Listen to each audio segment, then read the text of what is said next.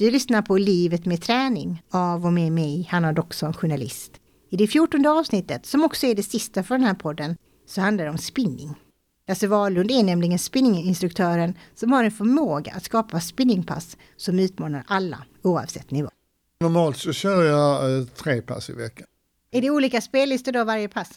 Ja, jag försöker byta spellista varenda gång. Alltså jag liksom har eh, en låtbank på sprintlåtar, backlåtar, uppvärmningslåtar. Så tröttar man inte själv heller. Va? Jag försöker få det likna ett utepass, ett riktigt cykelpass ute. Va? Man börjar ju liksom med, jag, på ett, ett entimmespass så försöker då köra en uppvärmningslåt, ungefär som man cyklar ute, man bara i snacketempo. Man cyklar igång och liksom känner på cykeln. Sen så kanske man kör lite backar upp och sen så kör man lite sprintar och sånt. Sen är man klar för att köra. Jag brukar köra tre block på en timme då liksom. Ett uppvärmningsblock, eller fyra block blir det då, så tre där man kör liksom varierande. Tre låtar uppför, kanske eh, liksom simulera backe då och sen kör man en lätt med sprintletare. Man får fart på benen. Sen är det oerhört viktigt också att man, trots att man sitter i grupp, så är det ju individuellt. Det är ungefär som cykelsport. Det är en individuell lagsport.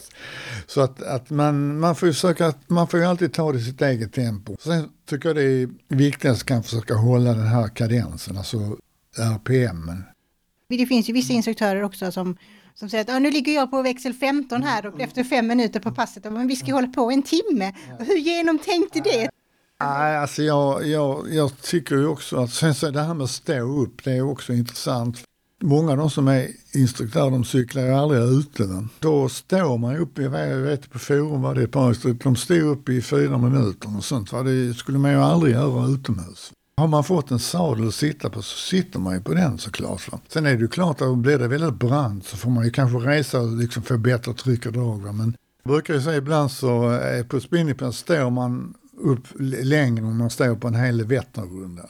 Sen tycker jag det är bra att det finns olika typer av instruktörer för att alla gillar ju inte den musik jag har. Då kan man ju gå till någon annan som har en annan musik som de inte gillar och sen ett pass som de gillar. Många gillar inte en timmes pass. Vi hade ett tag hade vi 70 minuters pass. Vi går tycker det är rätt kul. Va? Då blir det mer som man är ute och cyklar och man bränner mycket. Va? Men alltså, vissa tycker 30 minuter är helt perfekt.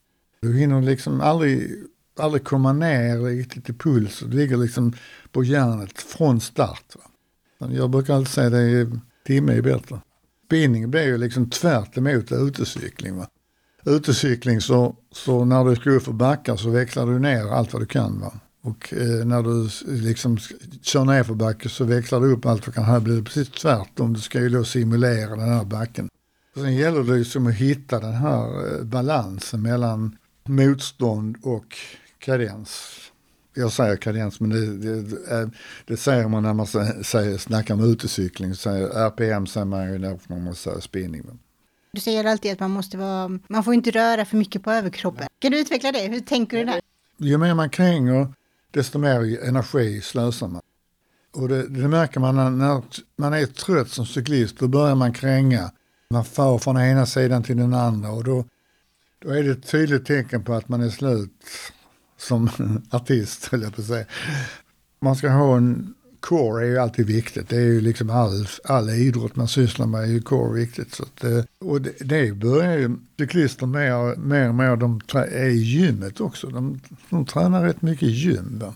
Men Lasse, då tycker jag det är intressant. Så hur gammal är du idag? Fyller 75 den 6 december. Vi pratade lite om det här på ett av dina spinningpass. Hur många situps gör du per dag?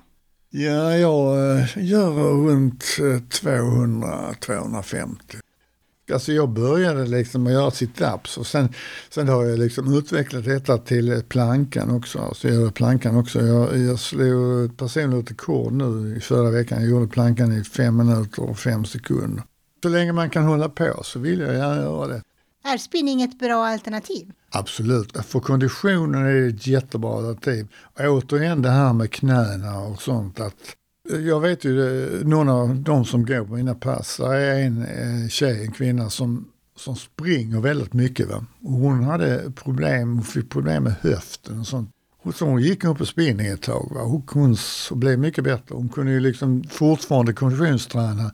Sen gäller det att försöka ställa in cykeln rätt. Va? Och där får man ju fråga instruktören. Va? En viktig detalj också efter ett tag är ju faktiskt att köpa ett par billiga spinningskor eller ett par med SPD-pedaler. För man har en väldig nytta av att sitta och fastspänna ordentligt. Du har lyssnat på Livet med träning. Skulle du vilja träna för instruktörerna som medverkar i podden? Johnny Taikon kan man följa på Sommarsumba på Facebook eller träna för på Fitness 24-7. Cecilia Areheim och Lasse Wahlund hittar du på Kockums fritid. Vill du veta vad Oskar Salazar är och sitta på? Ja, då följer du honom på Instagram. Om du inte vill missa andra viktiga poddar, då följer du även kanalen Livet med på ett Livet med poddserien på Instagram. Producent är jag, Hanna Doxon.